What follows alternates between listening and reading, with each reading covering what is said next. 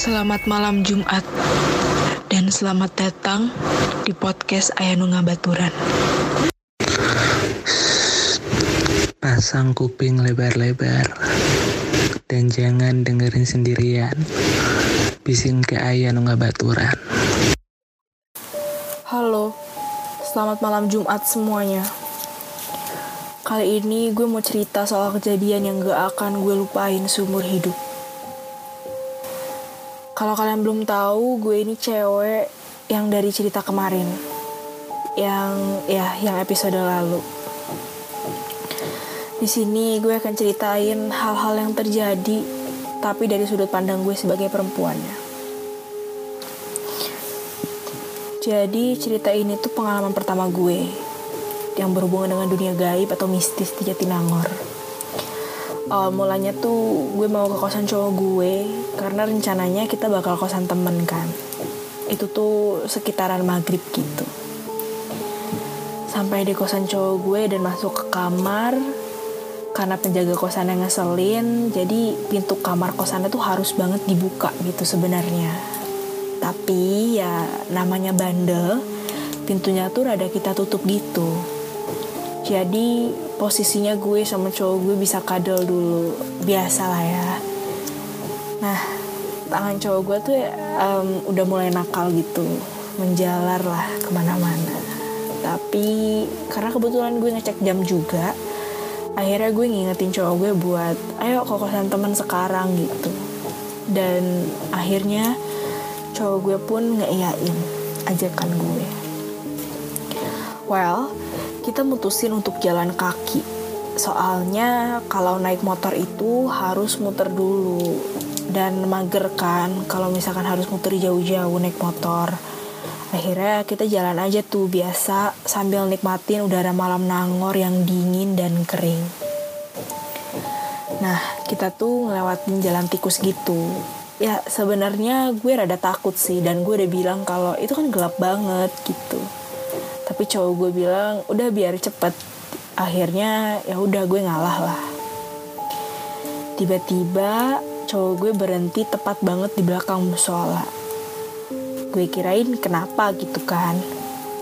Taunya dia minta untuk kissing di sini. Udah mana gelap banget kan ya.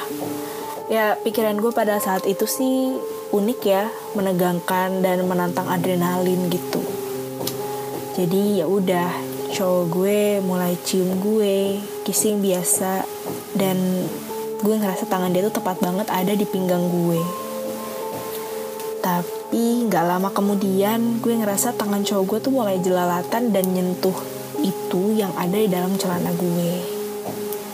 Tapi gue ngerasa banget kalau ini bukan cowok gue. Ya soalnya jujur aja ini nikmat banget gitu. Gue sampai mendesah tanpa gue sadar. Kita lanjut kissing dan gue pun makin ngerasa panas.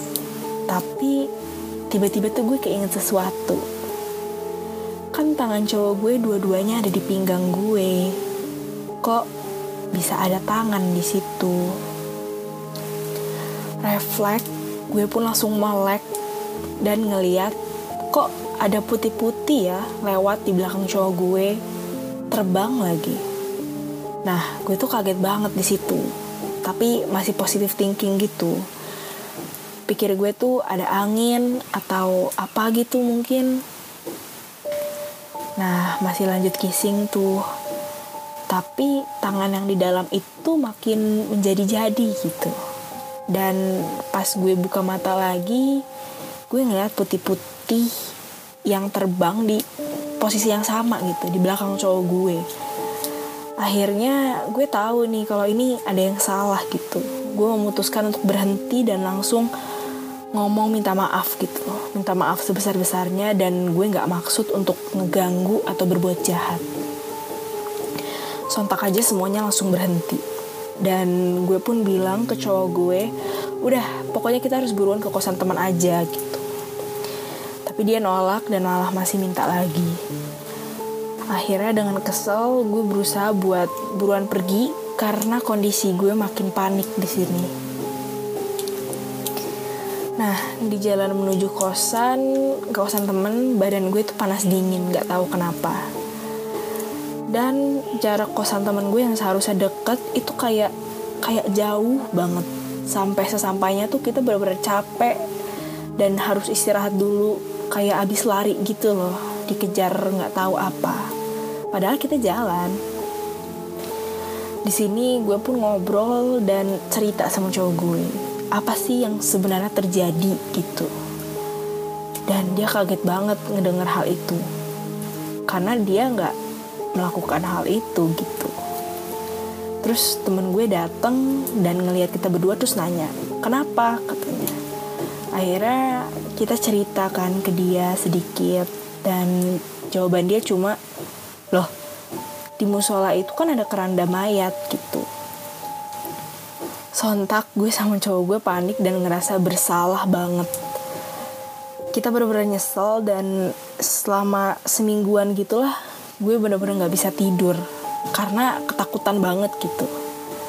Akhirnya gue memutuskan untuk letakin Al-Quran di dekat tempat tidur gue dan ya cukup kapok sih kapok banget malah untuk jalan-jalan malam di tempat sepi apalagi melakukan hal-hal yang tidak seharusnya dilakukan gitu. Pelajarannya sih yang bisa diambil ya kalau misalkan emang kalian mau um, berbuat sesuatu yang tidak senonoh, pikirin dulu waktunya dan tempatnya. Jangan sampai kalian melakukannya di tempat-tempat yang kalian tuh sebenarnya nggak tahu ada apa di situ cek samping kanan kiri ya. Tentunya masih di podcast Ayah Nungga Baturan. Tong ada yang ikut serangan wae. Bisi Ayah Nungga Baturan.